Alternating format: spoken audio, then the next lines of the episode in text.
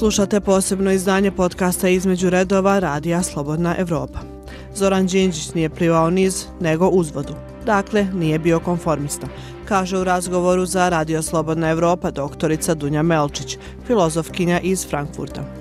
Za mene je šok da njegovo političko ubistvo u Srbiji nije šok, da se ne priča do danas o tom stravičnom činu.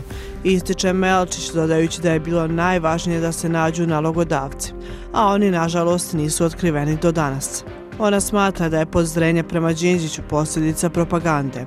Ja mislim da je samo na sprovodu bilo to iskazivanje možda ne simpatija, ali uvažavanja Đinđića, kaže Dunja Melčić za Radio Slobodna Evropa.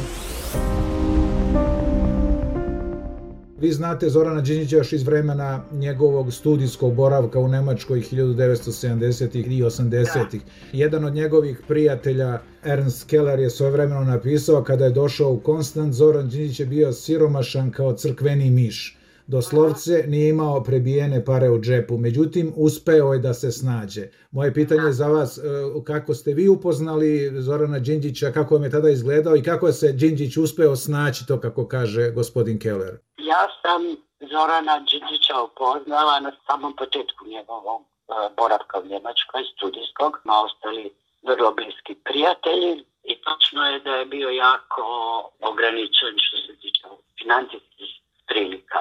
Zapravo koliko ja znam, on je imao nešto malo ušteđevine i to što je donio iz Beograda, jer je u Beogradu mogao dosta dobro prevoditi i objavljivati.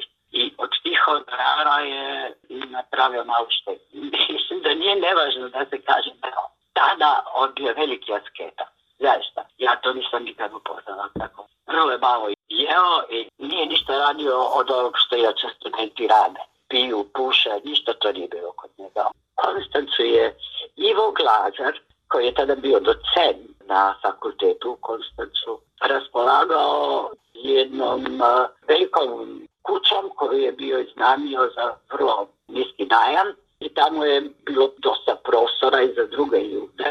I Ivo Glazar je bio tako generozan da je omogućio ljudima koji su to trebali, jel, kao Zoran, da stanuju tamo. Ali kako je rekao uh, gospodin Köhler, uh, ipak uspeo je da se snađe, pominju se razni poslovi koje je gospodin Đinđić radio između ostalog uh, i bavljenje trgovinom i tako dalje, dakle kako je se on snalazio? To je bilo čak kad on se vratio u Beograd. Prije nije se bavio nikakvim e, trgovinama. Nakon što je završio fakultet, dakle kad je doktorirao, on se strašno žurio sa tim, jer je morao ići u vojsku. Dakle, onda je bio godinu dana u vojsci, to je bila ona godina kad je Tito umro i to je bilo dosta dramatično. Onda je on kad se vratio tražio je stipendiju u stipendija za znanstvenike već koji su dakle već doktorirali i većim znanstvenim poslovima. Dok nije dobio stipendiju, jest nekakve razne stvari radio, ali u Frankfurtu. On je radio kod ovog mislim da je to malo pretjerano reći da je e, se on baš trgovinom. On je poslije onda bio više u Beogradu nego u Frankfurtu i tamo je neke ljude koje ja ne poznajem, sa kojima je pokušavao pokrenuti neke poslove. Ali ja pretpostavljam da to baš nije išlo, da je manje više propalo, jer bi se onda iz toga nešto izrodilo. Ja ne znam da li je nekakvih velikih rezultata kod toga bilo. Međutim, on se etablirao da već u Beogradu i onda je on, to mi pričao, on je imao već sa Novim Sadom, tamo isti na jedan univerzitet. Ja ne znam da li je dobio profesuru, ali u svakom slučaju to je bilo u planu, jer u Beogradu nije imao šansa. U svakom slučaju, već tada je pokazao energičnost i pragmatizam, bio je kako je rekao njegov školski drug Dragan Lakićević, borben poput mladog Ahila, a sam Đinđić je kasnije kazao sve što sam u životu postigao, postigao sam plivajući uz vodu, nikada nisam birao lakši put. Takav pristup mu je bio očito karakterističan i za politički angažman. To je tačno. On je recimo bio dosta nekonforman. Dakle, on nije plivao uz vodu, nego kako se rekli, niz vodu, Uzvodu, uzvodu, Da, uzvodu. uzvodu. Pominje se e, da, iako je želeo da dođe do čuvenog Jirgina Habermasa, njegov prvi mentor je bio Habermasov učenik Albrecht Wellmer. Navodno su se Habermas i Đinđi sreli na jedan neobičajan način, naime, pošto su bila zaključena vrata učionice, Đinđić je ušao kroz prozor, Habermas se navodno uplašio i kada mu se predstavio, Habermas mu je rekao, vi ste kod mene ušli kao Sloveni u Evropu. Da li je ova priča istinita? Ne vjerujem, možda samo jedan dio toga. Dakle, to su legende, on je isto i sam donekle gradio te neke legende. Ovako, ta priča postoji, ja sam je čula još davno, davno, davno od njega. On je to pričao isto u više verzija. Šta je na koncu točno, ne znam. I uopće, da vam pravo kažem, mislim da to nije neki bitni element. On je naravno htio ići kod uh, Habermasa zbog toga što je Habermas poznat, a Velmer nije i nije ni danas poznat. Da vam pravo kažem, ne znam zašto uh, Habermas nije pristao, imao je nekih razloga koji sigurno nisu lične narave i nemaju veze sa Zoranom uh, kao osobom ili kao mogućim znanstvenikom, nego možda neke druge razlozi.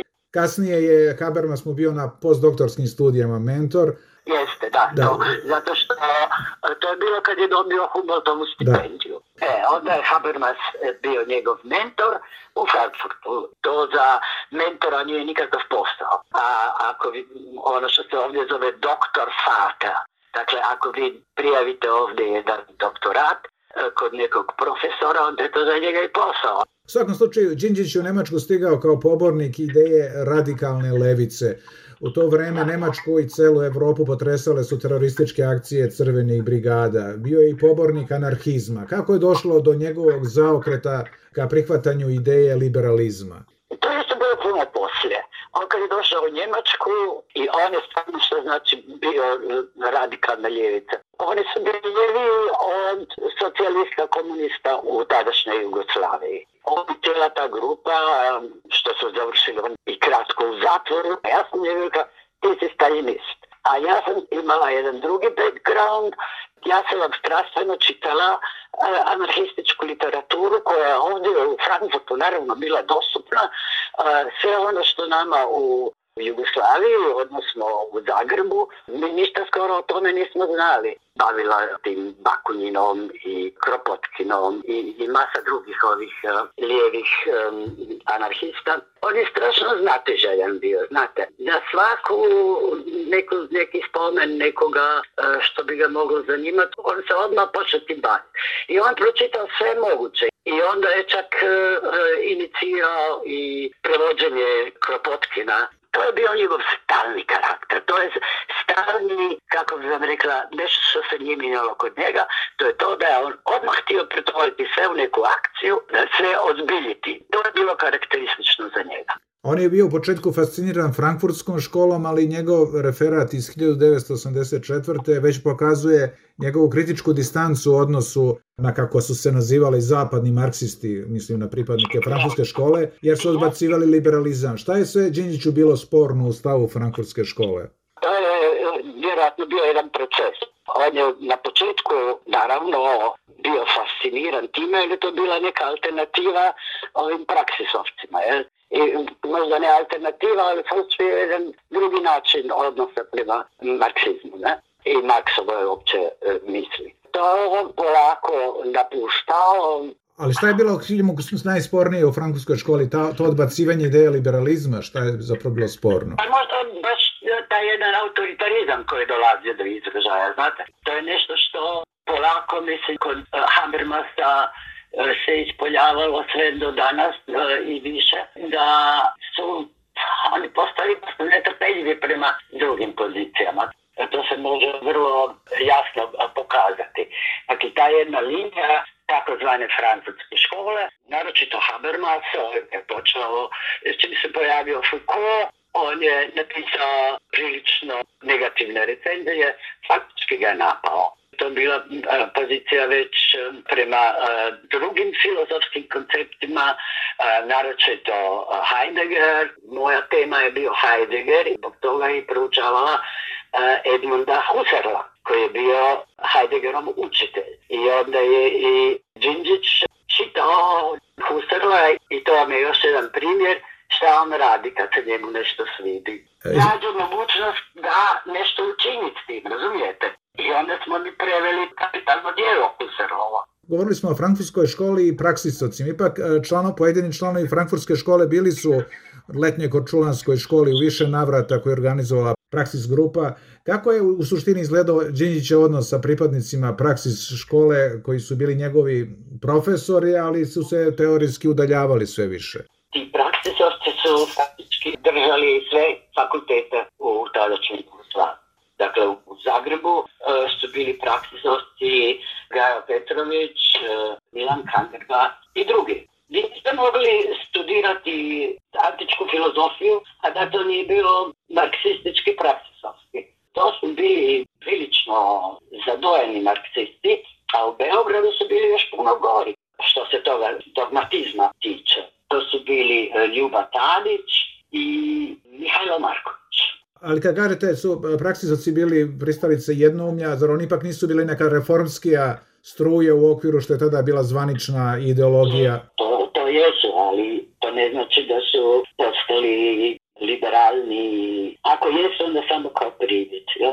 Mislim, bilo naravno velike hrabrke između njih. Da li se tada već mogao očiti Đinđićev talenat za filozofiju, te da bi kasnije mogao da napravi političku karijeru i postane srpski premijer?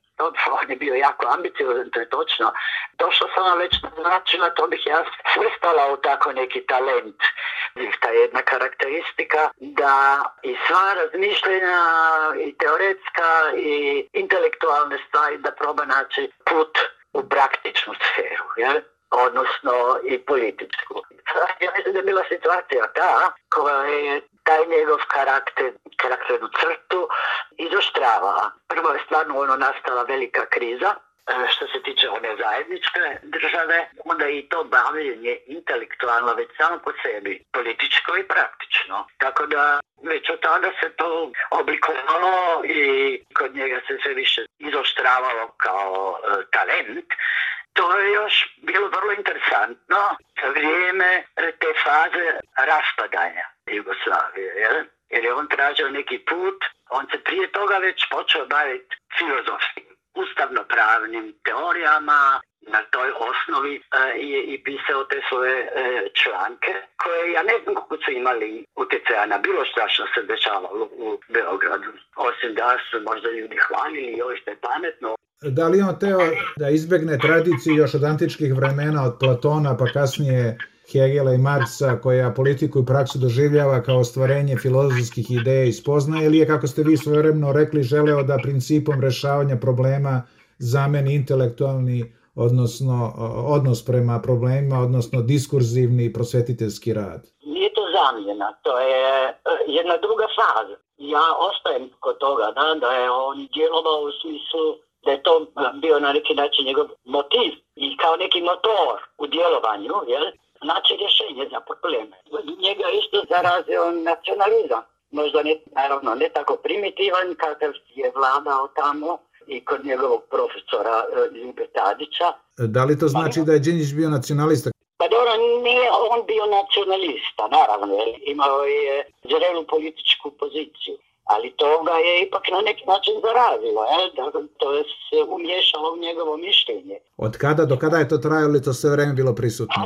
To je teško reći, znate, ja sam samo primijetila da on neke stvari ne želi do kraja domisliti, izvrdava. Zapravo to je postalo očigledno kad je došlo već u ono vrijeme pred rat. Je bilo strašno puno diskusija i ovdje u Frankfurtu i u Njemačkoj. I onda je on bio vrlo e, često pozivan na razne diskusije i podijume i tako. I onda bi mu ljudi postavili nekakva pitanja. Recimo kad je bila ona balvan revolucija. U publici je bilo ljudi koji su htjeli čuti kako on to vidi i da li može na neki način neku odgovornost tu definirati.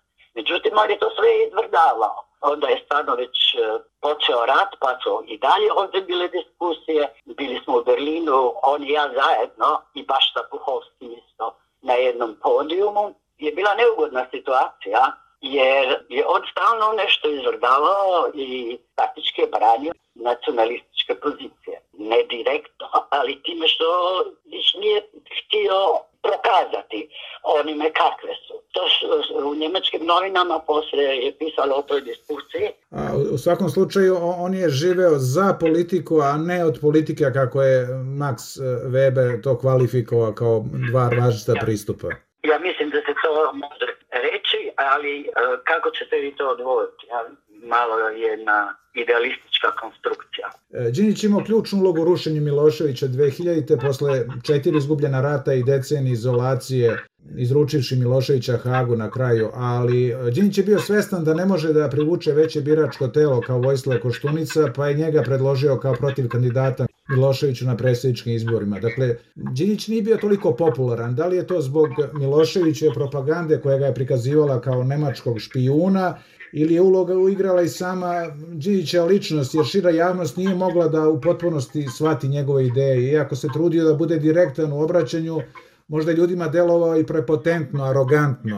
To je jako kompleksno pitanje koje ste sad postavili. On je stvarno puno napravio da uopće dođe do neke promjene i da e, demokratska stranka uopće postane jedna stranka. I to ne s tim što je nešto pričao, nego s tim što je išao od mjesta do mjesta, agitirao, pozivao ljude, objašnjavao.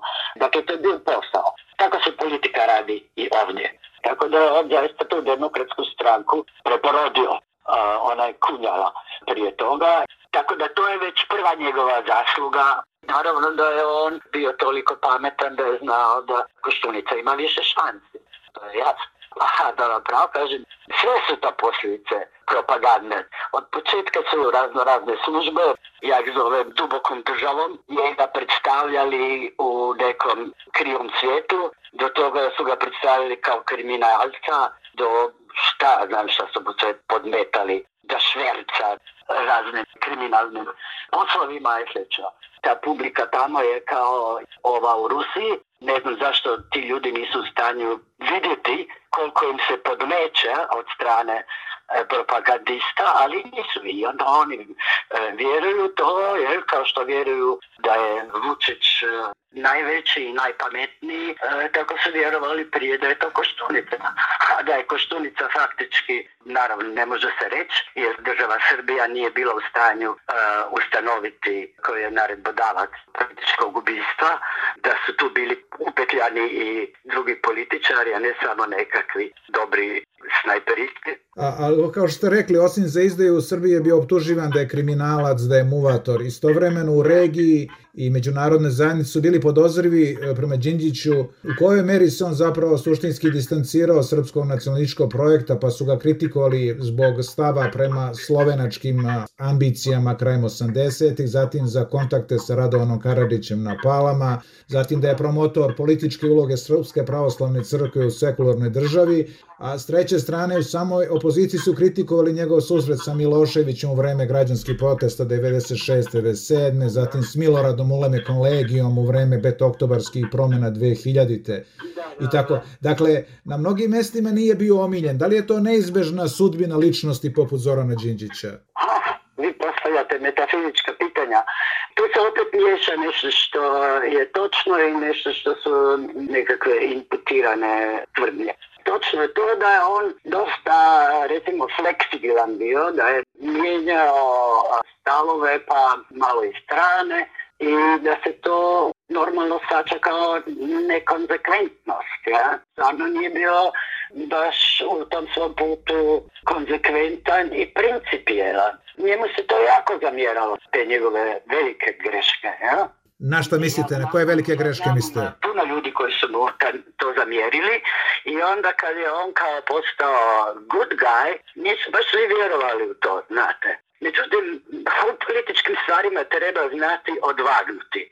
Šta je veće, šta je važnije, šta je veći doprinos nekakvom političkom razvoju jedne sredine, a šta je možda bilo odvratno, ali eto, ništa se nije desilo od toga. Ništa negativno, a naravno ništa pozitivno.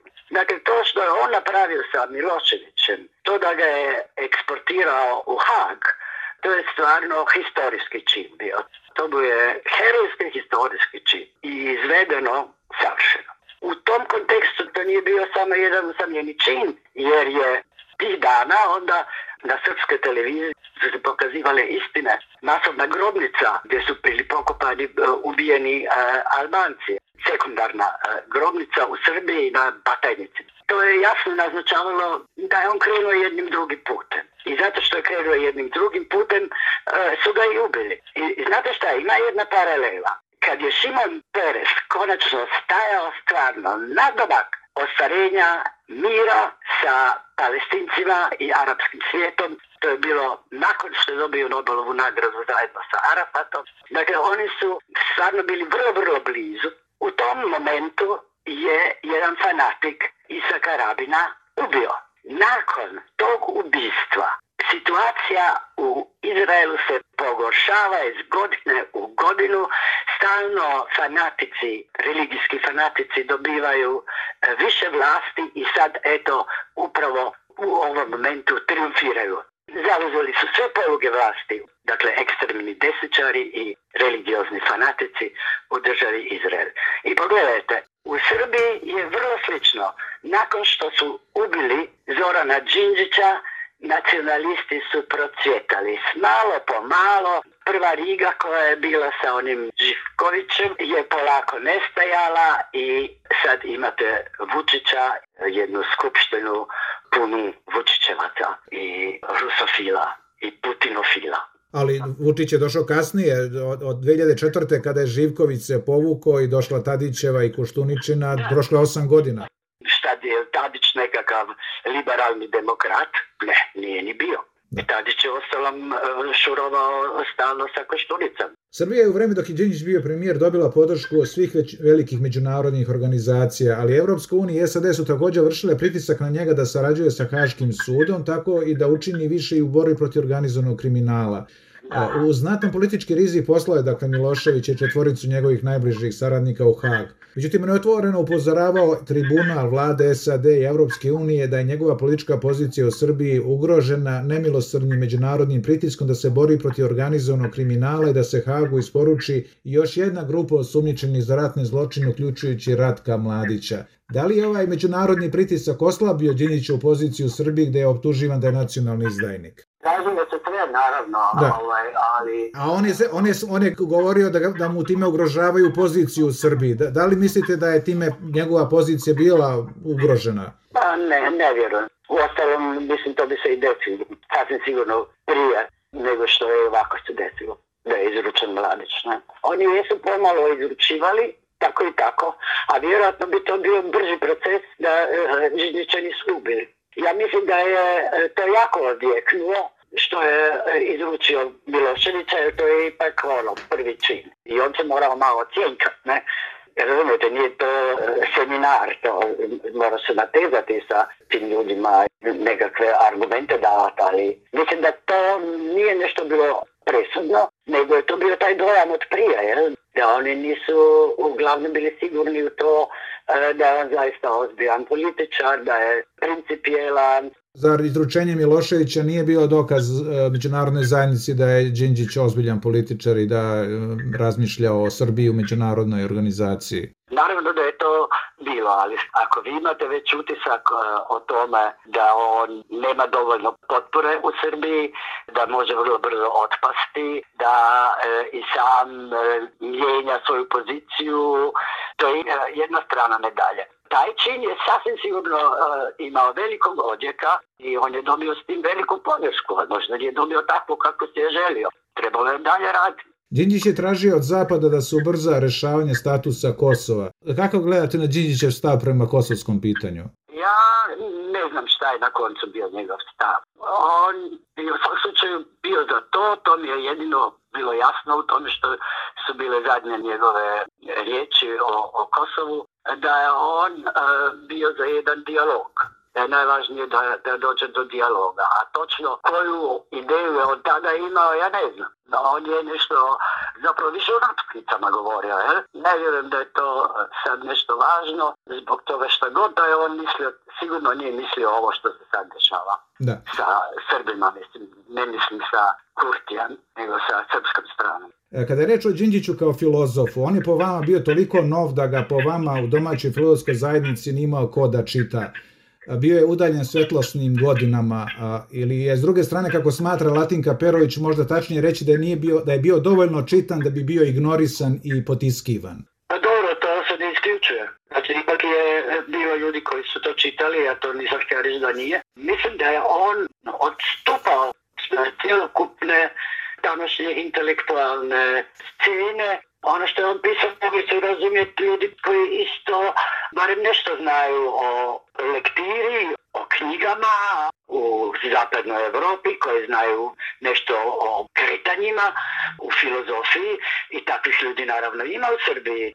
Da li je Đinđić ipak ostavio traga u istoriji Srbije, ako ni zbog čega drugog, onda zbog organizovanja smene demokratske vlasti bez prolivanja krvi? Pa dobro, ima naravno to i osim toga sve drugo što je napravio, uh, on je napravio taj zaokret u, u načinu demokratizacije društva i to neće ostati zaboravljeno. I to nije ni sad baš zaboravljeno. On će sad sigurno ostati uh, zapisan u historiji, naročito naravno zbog toga, ja moram to nadošavati uh, zbog tog čina izručenja Miloševića. A osim toga, zbog najgore stvari, a to je političko ubistvo. Mislim, to je meni stvarno još jedan drugi šok. Je to da to u Srbiji nije šok.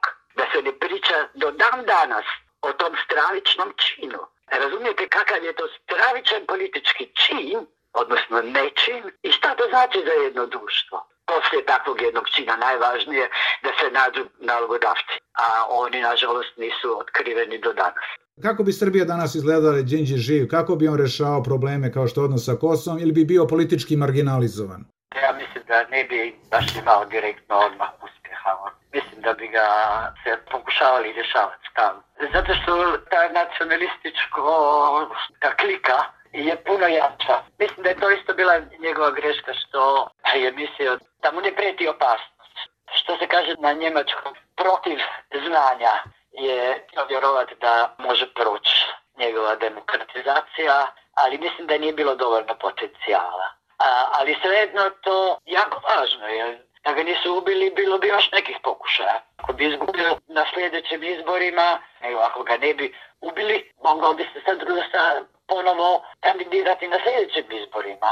To je demokracija. Đinđić je tek nakon smrti postao popularan makar na trenutak kad se Srbija ujedinila slaveći ga kao državnika, reformatora i vizionara. Ali sve što se kasnije desilo, mnogo čemu je bilo vraćanje na vreme protiv koga se Đinđić borio. Da li to znači da on nije dobio zasluženo mesto u srpskoj istoriji i društvu, bez obzira na ljude koje pominjete, ali oni su nažalost samo pojedinci, već da se njegova uloga i danas uglavnom ignoriše zato što posjeća većinu Srba kakva bi Srbija mogla da bude, a ona nije za to jer ne prihvata njegove ideje za koje se on zalagao.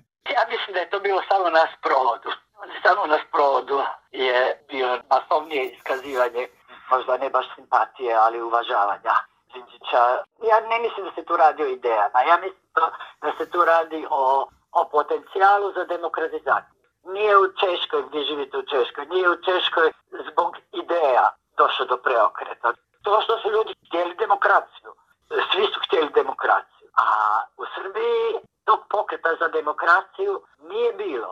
I ja sam vam pričala o tome što je on radio u vezi sa demokratskom strankom, ali to možemo izjednačiti. E, to je bila borba za demokraciju i on je uspio animirati puno ljudi i tu stranku oživiti. A mm. pogledajte šta je sad s demokratskom partijom ili demokratskom strankom, kako se zove.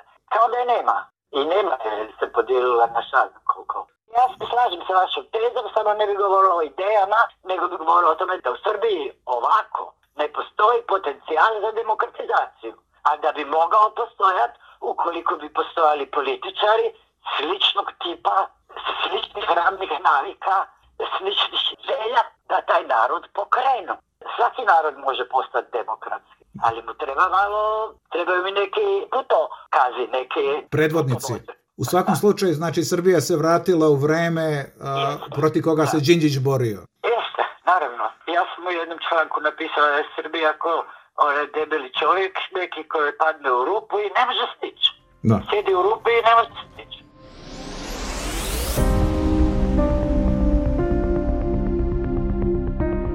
Slušali ste posebno izdanje podcasta Između redova u kojem je Dragan Štavljanin razgovarao sa Dunjom Melčić. Naše ostale podcaste pronađite na Google i Apple podcast aplikacijama kao i na Spotify. Do slušanja.